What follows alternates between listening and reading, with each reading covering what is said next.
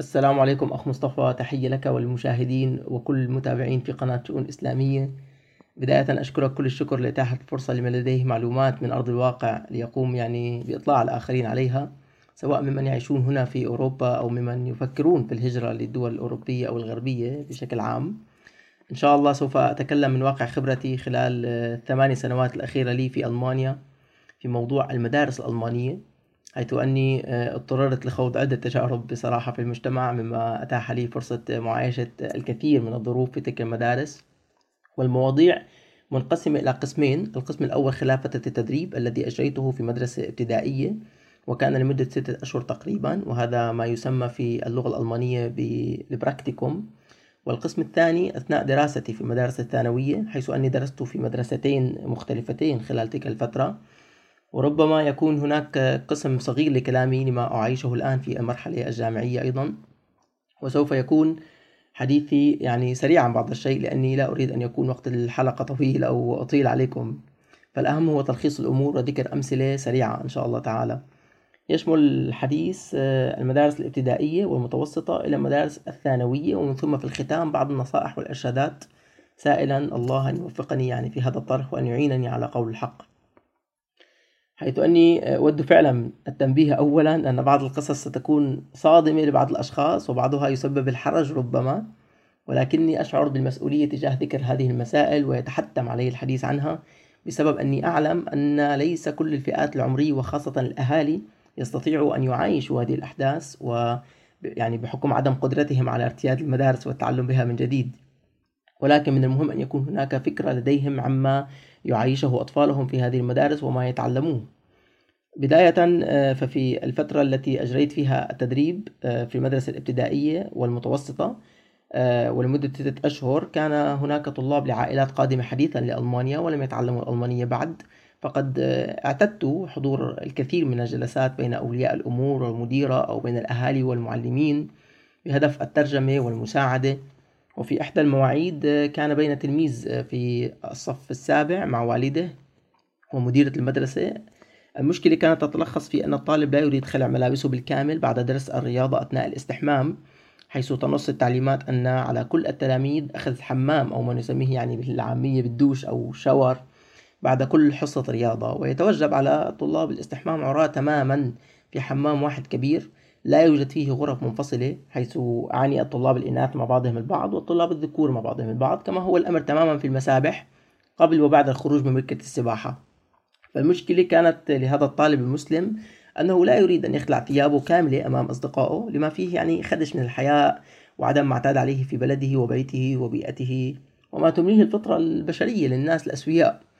وهنا بدأت القصة بوجود المديرة التي استشاطت غضبا أمام والد الطفل لأنها تعلم أن ما يمنع الطفل هو حياؤه ودينه في كشف عورته يعني مع أن الأب كان يبرر كل الوقت للمديرة بشكل غير مباشر بأن الدين ليس له علاقة بما يريد ابنه وأن الطفل ليس يعني بصراحة لديه حساسية من هذه الأمور. ولكن المديرة المديرة قالت أنه على الطفل أن يعتاد على الوضع الحالي في المدارس الألمانية وإذا كان ذلك صعبا فليعودوا جميعا من حيث أتوا. ولكني طبعا لم أترجم هذا الكلام لوالد الطفل. خشيت أن يقوم بتصرف يعني لا يحمد عقباه. وكان حينها أيضا غاضب لردة فعل المديرة التي تحولت إلى وحش خلال دقائق. وأنا كنت أعتقد أنها لطيفة ومتسامحة ولمست فيها يعني ذلك فيها من خلال مواقف عديدة حصلت بيني وبينها. ولكني تذكرت أن كل تلك المواقف لم يعني لم يكن لها علاقة بالدين وعندما يدور الأمر حول الدين الإسلامي خاصة فسوف تعمل جاهدة لإظهار حقدها. في ختام الموعد قالت المديرة لوالد الطفل أن لديه مهلة أسبوع في إقناع الطفل بخلع ملابسه أمام التلاميذ الآخرين أثناء الاستحمام وإلا فسوف تقوم بإعلام مكتب رعاية الأطفال أن الأهل ليس لديهم قدرة على تربية الولد نفسيا والمكتب سوف يتولى أمر ذلك. برسالة يعني تهديد غير مباشر رسالة منها بسحب الطفل طبعا. المديرة قالت لي في نهاية الدوام من نفس اليوم أنها تعمل يعني على حل هذه المشاكل وتعلم هذه المشكلة مع الطلاب المسلمين وسوف تجبر الأهل على إقناع ابنهم كما فعلت مع عائلات أخرى. ولكن الأب قال لي لاحقا أن الطفل بالفعل هو من لا يريد خلع ملابسه وحتى لو كان الأهل موافقين على ذلك فالطفل يرفض تماما وهل يستطيع إقناعه ولا بأي وسيلة؟ اضطرت العائلة بصراحة للانتقال إلى مدينة أخرى بعد تغيب الطفل لعدة أسابيع بحجة أنه مريض. ومع إصرار الأهل لإرساله للمدرسة تظاهر الطفل بمرض ليتغيب عنها إلى أن وجد الأب منزل صغير يعني آخر في منطقة أخرى بغية اختيار مدرسة تكون ربما أكثر تسامحا مع هذه الأمور أو أقل عدوانية تجاه الطلاب المسلمين. بشكل عام هذه المشاكل تحدث ذاتها أيضا في دروس السباحة التي يجبر فيها جميع الطلاب على المشاركة وتجد أن الأهالي يحاولوا ربما غض البصر عن هذا أو التهاون لعدم استطاعتهم فعل شيء حيال ذلك. يعني سواء السباحة المختلطة أو الاستحمام بشكل عادي تماما بعد دروس الرياضة. في نفس المدرسة وأثناء فترة التدريب كان اسمي في أحد الأيام في جدول المراقبين على الطلاب في فترة الاستراحة الأولى. خشية يعني وقوع أحدهم أثناء اللعب أو حدوث شجار بين الطلاب. وكان معي معلمة أخرى من الصفوف الأعلى فقالت لي في أثناء حديثنا آه، خلال فترة الاستراحة على يعني هل ترى الولد الذي يقف هناك؟ وأشارت لي يعني بإصبعها عليه. وقالت هذا الولد في الصف الثامن قد جامع صديقته والعياذ بالله قبل فترة وهي الآن حامل منه. وأهل الفتاة قرروا الاحتفاظ بالطفل وعدم إجهاضه والبنت الآن في المنزل يعني إلى أن تضع مولودها. وأنا متفاجئ من هذا الحديث كنت بصراحة حيث قالت لي أعتقدت أنك تعرف ذلك. لأن المدرسة كلها على علم بهذا. حسبي الله ونعم الوكيل. ومن الأمور المستغربة والتي تصف الحال المزري لقلة الأخلاق أو لقلة الحياء بمعنى الأدق وما سمعته بنفسي ذات مرة عندما سألت المعلمة في الفصل طلاب الصف السابع مستغربة لتغيب فتاة معينة فما كان من زميلتها في المقعد إلا أن قالت بلا أي تردد يعني أن الفتاة متغيبة لأن لديها الدورة الشهرية. وكان هذا أمام الطلاب يعني أمام طلاب الفصل بالكامل. فبصراحة يعني هذه المجتمعات لا تفهم معنى الحياء ولا تعي معنى الأخلاق وتسعى لنشر الصفاقة وقلة الأدب ولا تجد حرجا يعني في ذلك سبحان الله. بالإضافة إلى موضوع الشتائم التي يتبادلها الطلاب فهي من أقبع الشتائم التي تشمل الأم والأخت والشرف ويعني ووجود آه، يعني يوجهوها لبعض آه، لبعضهم البعض آه، يعني من سواء من الفتيات أو من الذكور وأحيانا بوجود المدرسين نفسهم ويسمعه يعني كل من يجلس بالفصل بغض النظر إذا كان الطالب أو الطالبة المسلمة يعني يعتبره خادشا للحياء أم لا. لأني يعني كنت ألاحظ اعتياد الطلاب المسلمين بصراحة على سماع ذلك مما يترتب عليه لاحقا اعتباره يعني باعتبار هذا الشيء يعني شيء عادي ومألوف وليس بالمصيبة الكبيرة. أن يسب أحد ما آخر يعني بكلمة آه، جدا قد تكون نابية بصراحة. أما بالنسبة للرحلات المدرسية في الصفوف بين الصف السادس حتى الصف العاشر مثلا وهذه الرحلات لها عدة أشكال. فمنها مثلا الرحلات الاستطلاعية لمتحف أو معرض أو معلم أثري وأيضا هناك رحل تخييم تكون لعدة أيام أو أسبوع أو تستمر لفترة أطول بقليل يعني. وهذا مختلف من مدرسة لأخرى. أما بالنسبة لما يحصل في هذه الرحلات وخاصة التي فيها المبيت خارج المنزل والتخييم في أماكن بعيدة فما يحصل هو العجب والعجاب وحدثني شاب في الصف التاسع ممن أتوا يعني جديدا إلى ألمانيا منذ عدة سنوات. ما حصل معه في الرحلة ليلا في خيامهم من اجتماعاتهم سوية وشرب الكحول وتدخين الحشيش وبمشاركة من الفتيات والشباب يعني. ولا أقصد هنا فقط الفتيات الألمانيات أو غيرهم من آه، مثلا الروس أو البولون أو ما شابه ذلك بل وحتى التركيات وغيرهم مما فاجأني أن حتى بعض المحجبات منهم يعني يخلعن الحجاب في مثل هذه الرحل ويجلسن في خيام الشباب بملابس فاضحة آه، تستحي الأم أن تلبسها أمام آه، أولادها وهي أمهم طبعا. فصدقوني يعني هناك من المآسي التي تحصل مما لا يستطيع الشخص حصره أو عده. فلو كان الطالب له رغبة في المشاركة في الرحلة مثلا والأهل معارضون يعني للفكرة فسيكون في ذلك إشكال. يعني مجرد أن تعلم المدرسة بذلك من خلال أي تلميح من الطالب نفسه أو أثناء حديث الطلاب عن تحضيرات الرحلة ومعرفة الطلاب أن هذا الطالب غير مشارك فيها فعلى الأغلب سوف يقوم المدرسين بالبحث عن الأسباب من خلال الانفراد بالطالب وشرح يعني وطرح الأسئلة الخبيثة لمعرفة أسباب معارضة الأهل بالموافقة على الرحلة وخاصة في حالات الإناث. وبالنسبة للعائلات التي تقول أنها لن ترسل أولادها بحجة عدم توفر المال الكافي سواء لدفع رسوم الرحلة أو مصاريفها فمشكلة أن مكتب العمل يقوم بتحمل نفقات هذه الرحلات آه، في الحالة العامة. والمدرسة تعلم أي العائلات التي تتقاضى مساعدات اجتماعية. الآن آتي إلى موضوع آه، يعني جدا بصراحة خطير وهام بنفس الوقت. وهو موضوع زنا المحارم والمنتشر بين فئة الشباب الأكبر سنا. وأجد أن الكثير الكثير من الناس ممن يعتقد أنه موجود في المجتمعات الأوروبية ولكن بنسبة قليلة. والحق أن الموضوع ليس كذلك أبدا ففي المنتديات الشبابية على الإنترنت يستطيع يعني الشخص المتقن للغة الألمانية ولو بمستوى جيد أن يقوم بقراءة الاستطلاعات التي تنشر والإجابات بين الشباب عليها. ففيها العجب والعجاب بما يعني تشيب له الرؤوس بصراحة. مثلا أستطيع تذكر بعض القصص التي قرأتها كإجابات على السؤال التالي وهو هل سبق لك أن أقمت علاقة جنسية مع أحد أفراد عائلتك؟ هناك شاب يقول يعني من أقصد بالإجابات يعني على هذا السؤال يعني يقول أن نعم أنا بعلاقة جنسية مع أختي منذ سنتين والبداية كانت أنني عدت من نادي اللياقة البدنية وأردت الاستحمام على عجالة وإذ يعني بأختي في الحمام عارية تقوم بتنشيف نفسها مما أثاره وجعله يمارس الجنس معها لمرة أولى وهكذا استمر لاحقا. آه، وأخرى تروي قصة بداية ممارستها الجنس مع أخيها الأصغر منها بثلاث سنوات فذلك أثناء سفرهم بالإجازة السنوية مع الأهل لدولة ساحلية أخرى خارج ألمانيا.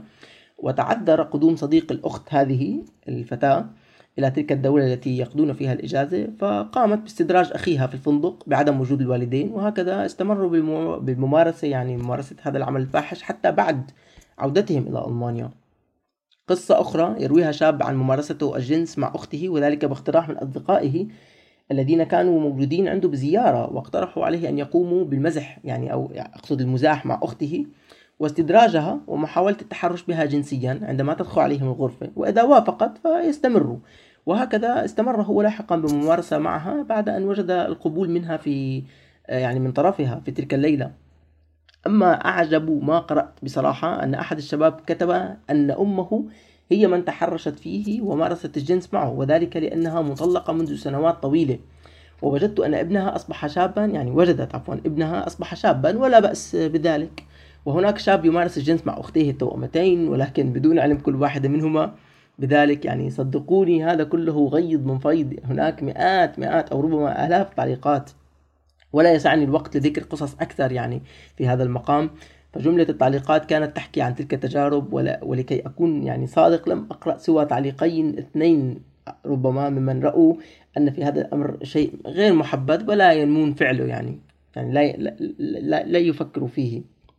كجملة ختامية لهذه الفقرة وأسباب حصول هذه الطامات في مجتمعاتهم هي أنك تجد الفتيات والشباب والأب أو الأم لا يستحيون بالجلوس بالملابس الداخلية أمام بعضهم البعض في البيت آه، في البيت الواحد أقصد أو عند ذهابهم للمسابح وغيرها من الأنشطة التي قد تحتم التعري في بعض الأحيان أو تغيير الملابس فالأخ يشتهي أخته والأب يشتهي ابنته وهناك حوادث كثيرة كثيرة جدا لحالات اغتصاب آه، الآباء لبناتهم ومع عدم يعني وجود راجع رادع ديني أقصد أو أخلاقي ووجود نفوس مريضة ومشبعة بالجنس وبالتفكير فيه ليل نهار.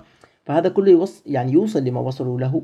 فمجتمع بكل صراحة يعني بأكمله يجد أن الموضوع الرئيسي في الحياة هو الجنس وباقي المواضيع تأتي بالدرجة الثانية. فلو كنت بالعمل فسوف يكون الحديث بالاستراحة بينهم عن الجنس. ولو كانوا في وقت فراغهم يمارسون نشاطا معينا فسوف يتحدثون عن الجنس وعن علاقاتهم الجنسية. ولو كنت مثلا تقرأ في منتديات طلاب الجامعة حتى مثلا فلا تتفاجأ بسؤال الطلاب مستجدين ومنتقلين حديثا إلى المدينة التي فيها الجامعة عن مكان الديسكويات الخاصة بتقديم الفتيات لممارسة الجنس. وهذا يقرأه القاسي والداني في تلك المواقع. والله ما لا أعلمه أكثر بكثير مما أعرفه. يعني بصراحة صدقوني المجتمع بأكمله هدف الجنس بالدرجة الأولى وباقي القضايا لها أولويات لاحقة. والأسوأ من كل هذا هو ما تنظمه الجامعة بما يعرف بيوم التعارف للطلاب المستجدين كي يتسنى لهم يعني التعرف على بعضهم البعض وعلى المدينة قبل بداية الفصل الجامعي حيث يقوم أو يقدم عفوا يقدم لهم في هذا اليوم المشروبات والخمور على حساب الجامعة.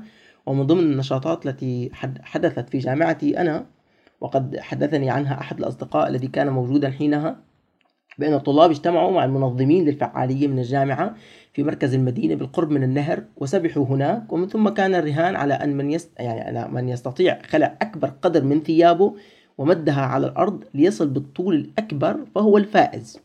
وحينها خلعت يعني بعض الفتيات حتى ثيابها الداخلية لتقف كما خلقها ربها على مرأة يعني على مرأة الطلاب والمرة فلا أدري إن كان يعني هذا فرصة لتعارف الطلاب على بعضهم البعض أو على أجسادهم. حسب الله ونعم الوكيل. أما بالنسبة للعلاقات بين الشباب والبنات فقلما ونادرا ما تجد فتاة أو شاب ليسوا بعلاقة مع بعضهم وحتى إن بعض العلاقات تستمر بصراحة لبضعة أشهر فقط ومنها أحيانا لسنوات فهم لا يفكرون في أمر الزواج مطلقا للهروب من المسؤولية وتبعات ذلك من عدم الحرية بالتبديل أو الخيانة لاحقا. وسهولة الانفصال بدون تحمل أي نفقات وبغض النظر إذا كان ذلك يعني إذا كان هذا آه، إهانة أو استغلال للفتاة أم لا. فالأهم هو عدم وجود عقود زواج مدنية ملزمة أو أوراق قانونية مقيدة. أذكر أن معلمتي التي كانت أكبر بناتها بعمر السادسة عشر عام أخذت إجازة من الدوام لإقامة حفل الزفاف للزواج بصديقها الذي هو والد هؤلاء الأولاد يعني والد الفتاة هذه يعني. وطبعا أولادها وبنتها ذات السادسة عشر من المدعوين كانوا في الحفل. سبحان الله. آه الآن في الجزء الثاني من حديثي ود التكلم قليلا عن المدارس الثانوية أي الصفوف التي تلي الصف العاشر حتى البكالوريا أو ما يسمى بالثانوية العامة في بعض الدول ربما الأخرى. فلا زلت يعني أذكر أول يوم دراسي لي في أول يوم دراسة لي في الثانوية. قبل ثلاث سنوات حيث كنا أو أكثر بقليل كنا نتعرف على بعضنا البعض. وكان هناك فتاة قالت أنها ستعرف عن نفسها بالرغم من مغادرتها للمدرسة بعد عدة أيام. وعندما سألها الطلاب عن سبب تركها للمدرسة قالت أنها قبل عام كانت حاضرة في حفل تخرج الطلاب من الصف العاشر وهو نهاية مرحلة التعليم الأساسي في أغلب الدول الأوروبية. وتحرص المدارس هنا على إقامة حفل توزيع الشهادات ومن ثم إقامة يعني احتفالية مع موسيقى ورقص وغيره من النشاطات في صالة مغلقة تابعة لبلدية المدينة حيث يجتمع طلاب عدة مدن وقرى مع بعضهم البعض ممن أتموا هذه المرحلة ويبقى الحفل حتى ساعة متأخرة من المساء. وهذه الطالبة خرجت من الحفل بعد أن شربت الخمر فوجدت شابا خارج الصالة وتبادلت معه يعني بعض الأحاديث ومن ثم مارسوا الجنس ببساطة بمكان قريب من الصالة وانتهى الأمر. وبعد فترة تبين أنها حامل وهي لا تعرف والد الطفل هذا لأن عدد الحاضرين يتجاوز المائتين وهم من مدن كثيرة. وأهلها كانوا غاضبين في تلك الفترة لعدم انتباهها لهذا الأمر. وبعد أن وضعت المولود حصل خلاف كبير بينها وبين أمها يعني التي تعمل موظفة في بنك ولا تستطيع ترك وظيفتها للاعتناء بالطفل وترك ابنتها بالذهاب لمدرسة حتى تكمل تعليمها يعني البنت أقصد. ولا يضيع يعني مستقبل الفتاة بتلك الغلطة البسيطة. فكل ما في الأمر أنها ولدت طفل في الخطأ لأنها كانت مخمورة. المهم بعد نقاشات طويلة داخل الأسرة وافقت الأم على أخذ يعني أخذ إجازة بلا مرتب لمدة عام.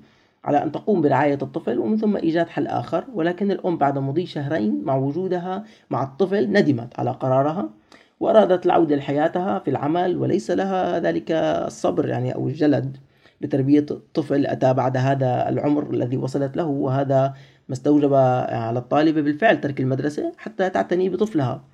حيث كنت أسأل نفسي في وقتها بصراحة من هو الطفل؟ يعني هي الأم أم الطفل نفسه الذي لا يعلم من هو والده؟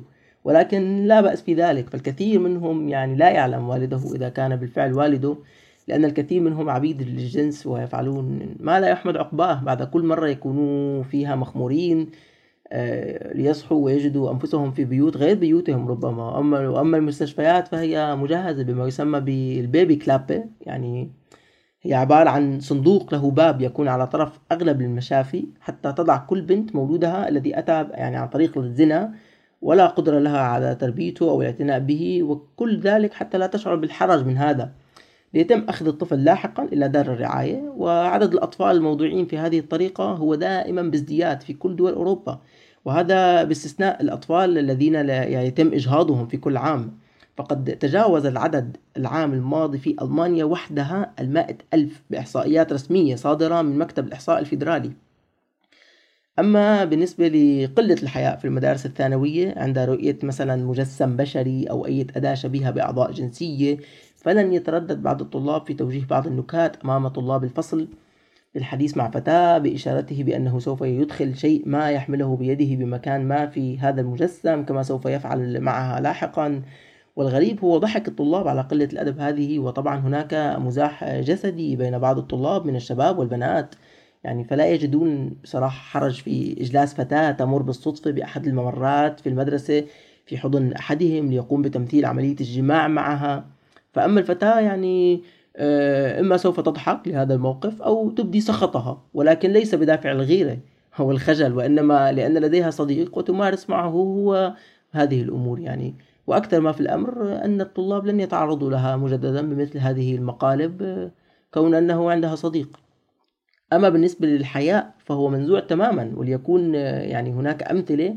أستطيع أن أتذكر أنه إذا أتت المعلمة مثلا إلى المدرسة وكانت مرتدية لملابس شفافة آه، فتجد مباشرة في مجموعة الدردشة للطلاب في الصف الواحد أقصد في الفصل الواحد النكات والاستهزاء بأشياء من جسدها أو التعقيب على ظهور شيء فاضح آه، يخرج منها مثلا. مع العلم أن مجموعة الواتساب تشمل طلاب الفصل كاملا من الشباب والبنات. فيا لها يعني من صفاقة وسفالة.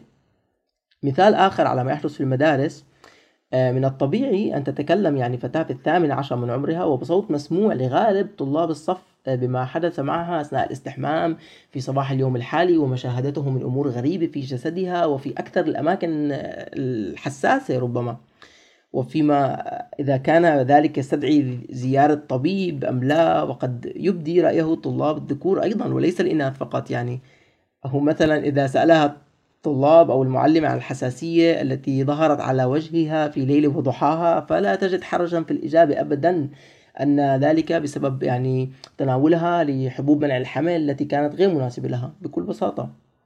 وذات مرة كان يتكلم معي أحد الشباب الألمان في الفصل عن طالب آخر غير موجود أثناء الحديث فقام بوصفه بوصف قبيح يعني سامحوني جدا لذكر هذا ولكن هناك ضرورة لتوضيح ما يحصل في المدارس وما يسمعه الأبناء. فقال أن ذلك أخو العاهرة فعل كذا وكذا مثلا. وهنا قاطعته وقلت له آه، يعني ليس لك أن تقول عنه هذا وأنت لا تعرف أخته وهي قد لا تكون بهذه الصفة. فكيف لو قال عنك أنت هذا؟ آه، فلن ترضى أكيد. فكانت الصدمة أنه قال لي بأنه يعني ليس له مشكلة بذلك. وإن وإن أخته بالفعل عاهرة. وهذا طبيعي وهو يعتقد أنها الآن وفي هذه اللحظة ربما تمارس الجنس مع صديقها في العمل وهذا أمر طبيعي فهي تفعل ذلك باستمرار. لا حول ولا قوة إلا بالله. يعني رد مهين وفكر منحط وقدر بصراحة. ومن العجيب أثناء تدريبي العملي في المدرسة الابتدائية أنني فهمت أن ما يسمعه أو يراه الشخص في المدارس الثانوية من قصص خادشة للحياة هو ليس وليد لحظته يعني أو بسبب سن المراهقة وحب الظهور بين الأصدقاء أو الطلاب الأقران وإنما الحديث عن ذلك يبدأ في سنوات الدراسة الأولى ومن قبل المعلمين أنفسهم.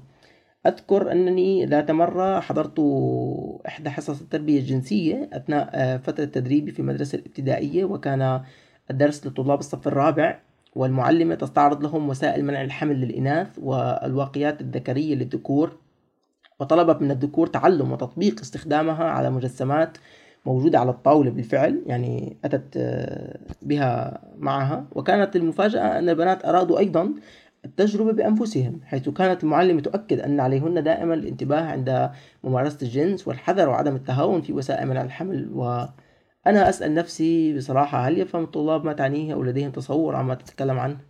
ولا أعتقد أن أحدهم سبق له في هذا السن آه، أن يفكر في هذا الأمر مطلقا. فهذا دليل على انتزاع الحياء منهم من صفوف المرحلة الدراسية الأولى وتشعر وكأن المجتمع بأكمله يحارب الفضيلة والفطرة البشرية منذ أن يخلق الشخص عندهم. طبعا تحت دواعي الحرية والانفتاح والتقبل وما إلى ذلك. فهذه هي حلولهم عند انتشار الفاحشة. وبدلا من محاربتها فيجدوا حلولا بإطلاع الطلاب على الحلول التي تمنع أو يعني حصول الحمل وانتشار الأمراض. فالأهم هو أن يعني أن يفعل الجميع تلك الفاحشة وبل يتشجع الباقين ممن ليس لديه تجربة بذلك بعد. وحتى أني ما زلت بصراحة والله على ما أقول شهيد أذكر أن في مدرستي الثانوية حتى في يعني ما نسميه البكالوريا يعني كانت المدرسة تماما ممتلئة تقريبا على كل أبواب الممرات ب بوسترات يعني كبيرة آه، تنصح آه، الطلاب الشاذين جنسيا أن يرتدوا الواقيات الذكرية خشية انتقال الأمراض الجنسية بكل بجاحة يعني. وهذا ممول من الحكومة نفسها. أيضا كان معي في المرحلة الثانوية طلاب من أصول أجنبية مثلا كالأتراك والألبان والروس والعرب الغير متكلمين اللغة العربية أبدا. وأذكر أنه ذات يوم سألت المعلمة إذا كان هناك أحد يريد التكلم عن توجهاته الجنسية ضمن إطار الدرس. وشارك عدة طلاب في النقاش ومن بينهم فتاة تونسية الأصل آه، حيث قال لا أقصد يعني الإساءة مثلا إلى التوانسة أو إلى المغاربة أو أي جنسية أخرى ولكن فقط هو مثال يعني. حيث قالت أنها مزدوجة الجنس أي تمارس الجنس مع الذكور والإناث وقامت طالبة تركية على خصومة معها بتوجيه كلام ساخر لها في الدرس فيما إذا كانت يعني تود ممارسة الجنس معها أو لا. وكان رد الفتاة التونسية أنها لا تحب هذا النمط أو الشكل من الفتيات وكان ذلك أمام طلاب الفصل كلهم. وكأنهم يتحدثون عن أكلة عن مثلا عن أكلة الشخص المفضل مثلا أو ماذا يحب وماذا يكره. لا حول ولا قوة إلا بالله. مثلا أيضا بالنسبة لللباس فإن بعض الطالبات من أصول عربية أو تركية يرتدون ملابس فاضحة في المدرسة لا تقل عن نظيرها مما تلبسه الألمانيات ومنهم من تأتي بلباس فاضح يعني بعض الشيء ولكنها لا تجد حرجا في أن تخلع كل شيء لتبقى في القميص الداخلي. وهذا كان يتكرر بشكل شبه يومي يعني وليس لمرات استثنائية أو قليلة. فهذا هو السباق بين الفتيات في التعري وهذا عدا عن أن الجميع مجبور على ممارسة الرياضة ولبس الملابس الرياضية التي تحددها المدرسة سواء كان الأهل على علم ورضا بذلك أم لا. وهذا كله ولن أذكر تفاصيل مشاهدة الطلاب للأفلام الإباحية سوية في أوقات الفراغ. ولم أذكر المناهج وما تحتويه من طامات فالمناهج مليئة بالقاذورات والأفكار المنحطة وأغلب الطلاب يدرسون تحليل الروايات في الصف الحادي عشر والبكالوريا. أقصد الصفوف الثانوية العليا ومنها ما هو أصلح لأن يمثل كأفلام إباحية أيضا. فكل من يسمعني آه، من طلاب الثانوي في ألمانيا يعرف تلك الرواية التي لن أذكر اسمها وقد ويوجد عدة روايات وليس فقط تلك الرواية مثلا ولكن لن أذكر اسمها هنا والتي تتحدث عن شاب في السابع عشر تعرف على امرأة ثلاثينية في الحي القريب من مكان سكنه وكيف أصبح يمارس الجنس معها ويتغيب عن المدرسة لكسب معها وقت أكبر. وفي الرواية من تفاصيل ما يندى له الجبين بكل تفصيلة بينهم حدثت وكل سكنة وحركة منهم خرجت وحتى الكاتب يعني عديم الخبرة في الجنس يقول في مستهل قصته وتعلم كل شيء من تلك المرأة المطلقة وبعد أن أصبح خبيرا ذهب ليطبق ذلك مع بنات مدرسته بدعوى أنه أصبح ذا شخصية أقوى وخبرة أكبر يعني. لا حول ولا قوة إلا بالله. نقطة أخرى بما يتعلق في المناهج فلن يجد الشخص ذكر الاسم الله أو الخالق فالمناهج يعني تنكر أي تدخل إلهي سواء في الخلق أو في الإعجاز فكل شيء هو من فعل الطبيعة أو بفعل الصدفة والعشوائية والإنسان أتى بتطور داروينية.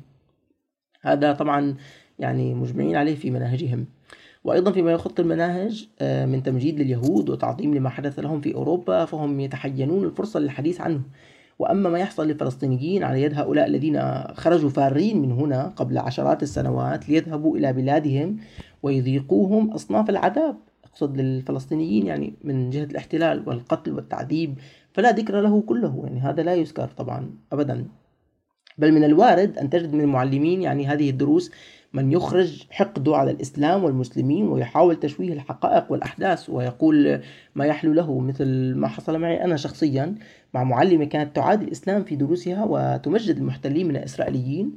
وعندما أرسلت يعني أنا عفوا أرسلت لها توضيح مطول مع مع صور ومصادر لما يحصل في فلسطين وظلم لهم يعني كانت النتيجة بحصولي دائما على أدنى درجات عندها. منذ أن أرسلت لها هذه الوثائق والتقارير وحتى أنها لم تكتفي بذلك بل وذهبت لتسيء إلي أمام باقي المعلمين تماما مثل ما فعلته مع طالبة أخرى في الفصل الثاني. لأنها فقط ترتدي الحجاب مما اضطر الفتاة إلى ترك المدرسة وما اضطرني أنا أيضا بالفعل إلى الانتقال لغيرها بمدينة أخرى. الآن آتي إلى نقطة أخرى مهمة جدا وهي أن كثيرا من الناس يظن أن الجالية التركية المسلمة استطاعت المحافظة على أبنائها وبناتها ولكن الحقيقة أقصد يعني بشكل عام في أوروبا ممن أتوا من الأتراك آه، ولكن الحقيقة هي ليست كذلك يعني. وإن كان هناك نسبة لا بأس بها ممن يرتدون الحجاب ولكن أغلبهم من الجيل الثاني الذي أتى بسن صغير مع الأهل. وعدد أقل بكثير ممن ولد هنا من الفتيات يعني ممن يرتدون الحجاب. فمن المألوف أن تشاهد هذا المشهد المتكرر في الطريق بوجود امرأة في الأربعينيات أو الخمسينيات وترتدي الحجاب الساتر والملابس الطويلة وابنتها ترتدي الملابس الفاضحة. الفاضحة جدا أقصد يعني الآن التي قد تتجاوز بفضحها ملابس الألمانيات أنفسهم. وهذا مشهد يعني بدأ يتكرر جدا في الفترات الأخيرة وخاصة مع الجيل الأخير من الأتراك الذين ولدوا هنا ونشأوا هنا وزاروا المدارس الأوروبية وتشربوا ثقافة المجتمع وعايشوا التجارب والقصص التي ذكرتها سابقا والتي سوف أذكر ربما يعني غيرها. ففيها من الطامات ما تجعل الشخص يعني يخرج من جلده بالكلية بصراحة. فبحكم دراستي في مدارس الألمانية ومعاينتي للفتيات التركيات أو الشباب منهم حتى فلم أجد إلا نسبة قليلة جدا جدا يعني ممن لا, زالوا يفهمون الدين الإسلامي. وأيضا هذه النسبة القليلة يعني التي لديها فهم مشوه وليس كاملا للدين. ويعني بصراحة وأنا أسأل نفسي كيف سيكون أولاد هذه النسبة القليلة لاحقا؟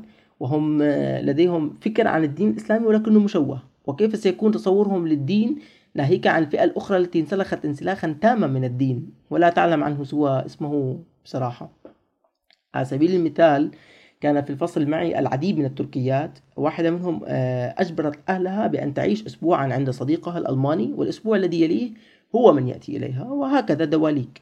وعند سؤالي لها عن كيفية موافقة أهلها على هذا على ذلك الأمر يعني المحرم شرعا في الدين فقالت أن يعني أن أهلي ليس ليسوا متدينين كثيرا وهم يخافوا من كلام الناس والأقارب جدا وهي قامت بتهديدهم بمغادرة المنزل بالكلية إذا لم يوافقوا على ما تريده وهذا ما لا يريدوه طبعا يعني خشية الفضيحة. فوافقوا على ذلك. لا حول ولا قوة إلا بالله. بالنسبة للفعاليات التثقيفية في المدارس فيوجد العديد من المنظمات التي تقوم بجولات على المدارس لطرح أفكارها تحت دعوة التثقيف فالمواضيع المطروحة هي إما عن تقبل الشواذ أو الإجهاض وضرورة احترام حق تقرير المصير من يعني من المحاضرات التي حضرتها أنا شخصيا.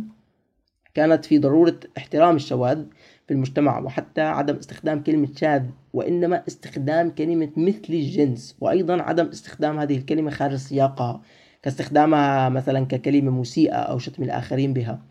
فهذا التطبيع مع هذه الرذائل يعني يجعل من الشخص لاحقا ليس فقط متقبل لها يعني وإنما قد يفكر في تجربتها. أما بالنسبة لحصص التربية الدينية في المرحلة الثانوية فهناك خيار بعدم حضورها والاستعاضة عنها باختيار درس القيم والأخلاق والذي لم أجد فيه أي أخلاق بصراحة.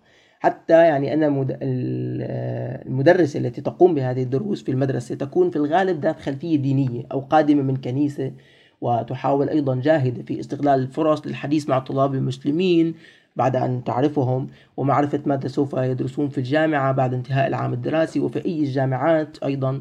وهنا تبدأ بإلقاء العروض التي أسميها أنا شخصيا يعني عروض المصيدة. فتحدث يعني فتحدث الطلاب عن إمكانية مساعدتها لهم بالحديث للكنيسة عنهم بغية الحصول على منح دراسية مالية أو تأمين سكن طلابي مجاني أو بسعر رمزي جدا على حساب الكنيسة. مقارنة بالسكن الجامعي الحكومي الذي يتراوح بين يعني 250 إلى 400 يورو شهريا ربما. وطبعا هو عرض مغري أمام سكن جامعي بالإضافة لمنحة مالية لكل فترة الدراسة ولكن الشرط هو الالتزام بدعوات الكنيسة ومساعدتهم في الأنشطة المقامة في أيام العطل الجامعية. ولا أشك أن بداية هذا التطبيع يعني ستكون نهايته اعتناق الدين ربما. لأن الأمر يبدأ في دمج الشخص معهم ومن ثم فقدان ارتباطه بدينه ولاحقا عدم الشعور بالعزة والفخر والحمية لأبناء دينه وقضاياهم وتجاهل الظلم الذي يتعرض له المسلمون في شتى بقاع الأرض. ناهيك عن معايشة طقوسهم الدينية بحجة وجودك فقط للمساعدة التنظيمية بداية. أما بالنسبة لثقافة الجندر يعني وغرسها في الطلاب وما له من تأثيرات عليهم فأنا شخصيا أعايشه يعني وعايشت مواقف صادمة بالنسبة لي بصراحة حيث أني أدرس حاليا في الجامعة وأعرف وأعرف طالب معي من الألمان الريفيين والمنحدرين من عائلة محافظة نوعا ما. وقد اشتهر يعني في ألمانيا ودول أوروبا بشكل عام أن أبناء الريف هم أبسط وأقل سفاقة وأكثر أدبا من أولاد المدن حيث أن أولاد المدن معتادون على الذهاب إلى الديسكويات وشرب الكحول وتجربة أنواع الحشيش حتى وهم ما زالوا صغارا في السن. ففرصة انحرافهم مبكرا هي أكبر بكثير من أبناء الريف الذين ليس لديهم كل تلك الخيارات ومحدودية يعني عدد السكان ومعرفتهم لبعضهم البعض في القرية الواحدة لا تساعد بكل هذا الانحراف سريعا. فمن خلال نقاشاتي مع هذا الطالب الألماني القادم من الريف وبعد مدة ليست بالقصيرة تكلمنا بالصدفة البحث عن الشذوذ عن الشذوذ الجنسي وقد كنت أود دائما الحديث معه حول هذه القضايا الحساسة نوعا ما مثل الدين والاعتقاد يعني لمعرفة أفكاره وفهم ثقافته وثقافة المجتمع ولتحين فرصة دعوته للإسلام والتكلم عن ديني أيضا. وذلك لما لمسته فيه من الهدوء والأدب. وعند حديثنا عن الشواذ لم لم يتردد بصراحة في إخباري آه، أنه شاد جنسيا. وبعد إبدائي لرأيي بمخاطر ذلك قال آه، إنه ربما علي أنا أيضا تجربة ذلك حتى أغير رأيي لأني لا لم أجرب ذلك حتى أقول ذلك. لا حول ولا قوة إلا بالله.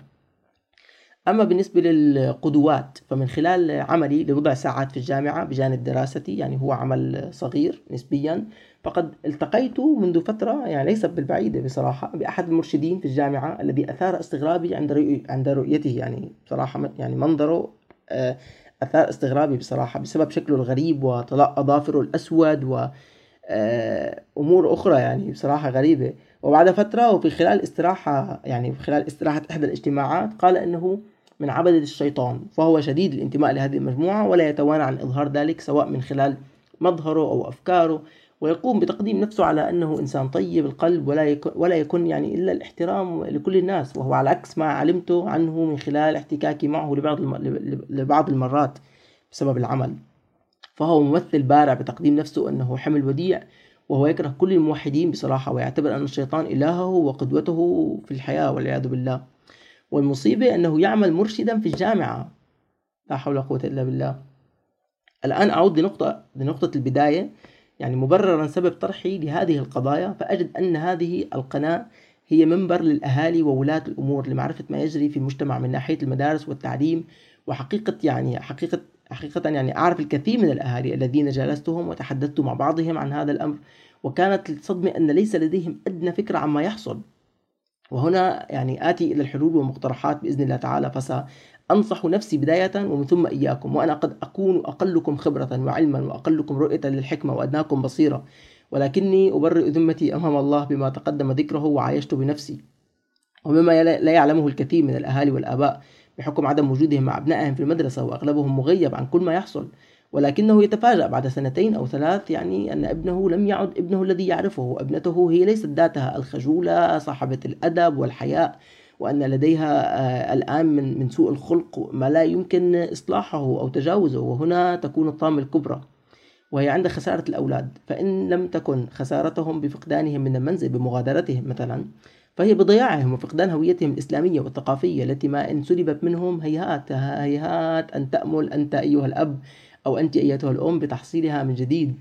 هناك من الأهالي من يدعي أن الاهتمام في البيت والانتباه الزائد يعني يحول بين تلك المصائب ويضع لها حاجزا ربما. ولكن صدقني أيها الأب وأنت أيتها الأم أن المجتمع وتأثيره أكبر بكثير مما تظنون. وممن نجا هم قلة قليلة جدا جدا. ومن أنا يعني أو أنت حتى نضع مستقبل أولادنا على المحك أو تحت الرهان. وهم كل ما نملك في هذه الدنيا لنقول أنهم قد يكونوا ممن سوف ينجو ويكون من القلة القليلة. فالطفل يبقى في المدرسة يعني وسطيا سبع ساعات وساعة للطريق فهو ما بين الثماني ساعات أو أكثر من يعني خارج المنزل. مع من يحملون أفكار المثلية والشواذ وشاربين الخمر ولاعبين الميسر وأحسنهم حالا وقدوة لطفلك من المعلمين مثلا في المدرسة. هو من لديه عشيقة أو عشيقتان أو يؤيد الزنا والفواحش واللواط وكيف لهذا أن يكون قدوة لابنك؟ يعني وأن لمعلمة يظهر أجزاء من ملابسها الداخلية في فصل الصيف تحت تنورتها القصيرة مثلا بداية حرارة الجو أن تكون قدوة لأبنائك. وكيف لأصدقاء ابنك أو ابنتك أن يكونوا خير أصدقاء؟ وأغلبهم أطفال زنا لأن يعني أبيه وأمه هم في الحقيقة فقط أصدقاء بلا زواج. وهل تتوقع أنهم يعني سوف يحدثونه عن الصلاة والصيام في رمضان أو مخافة الله في السر مثلا؟ وأما في سنوات المراهقة فلا سبيل لمنعهم من التقليد إذ أن يعني كل أقرانهم بعلاقات محرمة والمدرسة برمتها كلها أشبه بحفلات عروض الأزياء. والله العظيم والله. وكأن الطالبات في سباق محموم بين بعضهم البعض لمن يمارس الإغراء أكثر فلن يتونى يعني أولادك عن فعل ما يشاهدوه ولو بلغت نصائحك عنان السماء وقد سمعت ورأيت قصص تهز يعني تهز القلوب والله لفتيات صغيرات ممن أتوا إلى هذه الدول وأهليهم يعني غافلون غافلون. لا يعلمون ما يحصل في المدارس وما ينفع الندم بعد أن يقعوا في الفاحشة وتخدش يعني عندهم العفة والحياء ويكسر ما لا يكسر ما لا يمكن إصلاحه. فاللبيب ذو العقل يفكر في مخرج من هذا الفخ. أما بالنسبة لمن لم يأتوا إلى أوروبا بعد فأقول لكم تحروا البلاد التي يقام فيها شرع الله. ولو نسبيا والتي فيها يعني مظاهر ومعالم الدين الإسلامي ظاهرة للعيان على الأقل. تحروا البلاد التي لا تحدث أطفالكم عن الزنا والشواذ والفواحش وتستعرض لهم الإباحيات في المدارس والاحتفاليات ولا تعرض صورهم وإعلامهم في الطرقات والمحلات. فإن أرض الله واسعة ولن يضيعكم. يعني والله لن يضيعكم الله وهو أعلم بالنوايا وهو من ييسر الأمور. والله إنها لمؤامرة لا تخفى على أحد. يريدون نزع العفة من الشباب ونشر الفاحشة والرذيلة وتسهيلها لصانعي قراراتهم وقوانينهم أولا والبقية ثانيا. وترك هذا الجيل بلا هدف. همه المخدرات واللواط يعني كي يسهل سوقه كالقطيع بلا معارضة أو نعيق. فالشقي من غفل عن هذا والذكي من أدركه. وأما بالنسبة لمن هم في أوروبا ولا سبيل لعودتهم الآن فليكن هدفك أيها الأب وليكن هدفك أيتها الأم أن تكون الهجرة في أقرب وقت وليكن جل تفكيركم وكل تركيزكم على يوم العودة والعدة له وتأمين مستقبل الأطفال في خارج هذه البلاد. فما ينفعك أيها الأب أن تلبس أولادك أفخر اللباس وتطعمهم أطيب الطعام ولا تجرؤ أن تطرد صديق ابنتك من المنزل بعد يعني عدة سنوات أقصد. أو أن يضعك أولادك يعني ضمن خيارين أحلاهم مر في فعل ما يحلو لهم أو مغادرة البيت. وإن كان أطفالك اليوم صغار فذلك لا بد أنه قادم سواء كنت تعتقد أنهم بمنأى ومعزل عنه أم لا تعتقد ذلك. أنت الذي تفكر في أن مستقبل ابنك هنا سيكون أفضل. فسأخبرك أنه في كثير من الأحيان يقوم المعلمين بالتعمد بتقييم الطلاب الأجانب وخاصة المسلمين أو البنات المحجبات بتقييمات مزيفة وعدم كتابة توصيات في نقلهم إلى المدارس التي تتيح لهم الدراسة لاحقا في الجامعة. وكل من يسمعني الآن في آه، يعني من من من الأشخاص المقيمين في أوروبا يعلم هذه التوصيات التي تتيح نقل الطلاب من مدرسة إلى أخرى لأن المدارس هنا ليس بمستوى واحد. مما يؤثر هذا يعني على مستقبلهم الذي طالما سعيت أنت جاهدا لتأمينه وتذهب بهذا خططك يعني أدراج الرياح. وقد قال الله تعالى يا أيها الذين آمنوا قوا أنفسكم وأهليكم نارا نارا وقودها الناس والحجارة. إلى آخر قوله سبحانه وتعالى فأنت مسؤول أن تقيم تلك النار وستحاسب عن ذلك في حال تقصيرك. وكيف وقد قال النبي صلى الله عليه وسلم كلكم راع وكلكم مسؤول عن رعيته. والله ما خرجت لأقول بما قلته إلا بما رأيته من الناس عندما استيأسوا. من التبرير ومن خلق الأعذار ومن وضع الخطط للحول من ذلك والنجاة بالذرية والأهل. فما سوف ينجيك وينجي أولادك هو خطة الخروج. وقد قال الله تعالى أيضا في كتابه إن الذين توفاهم الملائكة ظالمي أنفسهم قالوا فيما كنتم؟ قالوا كنا مستضعفين في الأرض. قالوا ألم تكن أرض الله واسعة فتهاجروا فيها؟ فأولئك مأواهم جهنم وساءت مصيرا. أعاذنا الله وإياكم من جهنم. ففئة الشباب هي من أكثر المتأثرين بالمجتمع وأغلب من أتوا إلى أوروبا بعمر صغير فهو من متعاطي المخدرات الآن للأسف ويمارس الحرام بكل أشكاله أو بجزء منه سواء كنت تعلم أو لم تكن تعلم أنت أيها الأب أو الأم. وأما بالنسبة لمن يحققون تميزا أو نجاحا من المهاجرين أو اللاجئين أو القادمين الجدد فهم قلة جدا يعني ويلتقطهم الإعلام ويصدرهم لي ولك حتى أن الواحد فينا يسر ويفرح لأن باعتقاده أن الجميع هكذا. ولكن الحقيقة أن هذه الحالات المتميزة من نجاح في مدرسة أو ممن أحرزوا جوائز أو ميداليات في رياضة أو موهبة لا يشكلون يعني حتى الواحد بالمئة أقل, أقل من الواحد بالمئة بكثير من العدد الكلي. ولو نظرنا حتى إلى ما يحققوه فهي مكاسب دنيوية ومع أننا كمسلمين مأمورين بالعمل وبالكسب والتطوير ولكن ماذا بشأن الأهداف الدينية التي يجب أن تسير يعني على التوازي مع النجاح الدنيوي؟ يعني حتى هؤلاء متميزين بالمجتمعات الغربية فتميزهم مادي فقط. فما موقفك لو كان ابنك أو ابنتك من الأوائل على مستوى المدرسة؟ ولا يعرف أحدهم أن يقرأ صفحة واحدة بالتشكيل والنطق الصحيح من القرآن الكريم. وهو كتاب هذه الأمة وفيها أحكامها ومنها خرجت علوم الدين وبه استنارت الأرض وخرج العباد يعني من عبادة العباد إلى رب العباد. ومن أجله مات الناس وحاربوا حتى يكون هناك قانون إلهي يحكم البشر. التفوق والعمل في الدنيا مطلوب ولكن فهم الدين وأحكامه أيضا هو مطلوب. وخسر يعني وإن خسر العبد وخاب بصراحة آه، إن حصل على أعلى درجات وهو لا يحسن الصلاة أو لا يصوم رمضان أو إحداهن لا تلبس الحجاب فوالله قد خسر وخاب. وكيف لمن سيعيش هنا ويتشرب ثقافتهم أن يعي معنى الصيام أو تعي معنى الحجاب وتمتثل لأوامر ربها وتفهم حكمته من كل شيء؟ بأن كرامتها بهذا وشرفها مصان بذلك وإن التعري الذي يدعون له ما هو إلا استرخاص لبناتهم وخطة لتحقيق شهواتهم واستعباد نسائهم. عدا عن إدلال البعض منهم في العمل في تجارة الجنس أو العمل عند مدير متحرش أو مسؤول مغتصب ومستغل حتى تستطيع تأمين فقط أجرة البيت وثمن مأكل ومشرب. أما الإسلام فحفظ مكانة المرأة أما وأختا وخالة وعمة وألزم الرجل بالإنفاق عليها ولو كان معها مال الدنيا كله. وأوصاه بحفظها والرحمة بها وصون حقوقها بل والدفاع عنها وحتى الموت بسببها وهو سبب دخوله الجنة بقول رسول الله صلى الله عليه وسلم يعني من مات دون عرضه فهو شهيد. أما مجتمعاتهم فماذا كفلت لهذه المرأة المسكينة التي حولتها إلى أداة جنسية لكسب المآرب منها وإفراغ الشهوات من خلالها واستغلال صورها للإعلانات والدعايات والترويج وكسب الأموال؟ هذا كله فقط مثال واحد على قضية واحدة بصراحة. فكيف لكل هذا أن تفهم ابنتك؟ يعني أن تفهمه ابنتك. ولا ولا تعتقد بما يعتقدونه ببيعهم من أوهام لنسائهم بأن لها حريتها ولتخرج وتعارك وتصارع في الدنيا وتترك نفسها للذئاب والوحوش تحت مسمى الإرادة الحرة. وبالحقيقة هي حرية واهمة. فقط لاسترخاص لحمها ونهشه عند أول فرصة من المجتمع نفسه الذي يشجعها على ذلك. أخي الكريم أختي الكريمة أجعل أو اجعل عفوا خروجك عندما ييسر الله لك أول أهدافك وإلا صدقوني فسوف يكون الندم.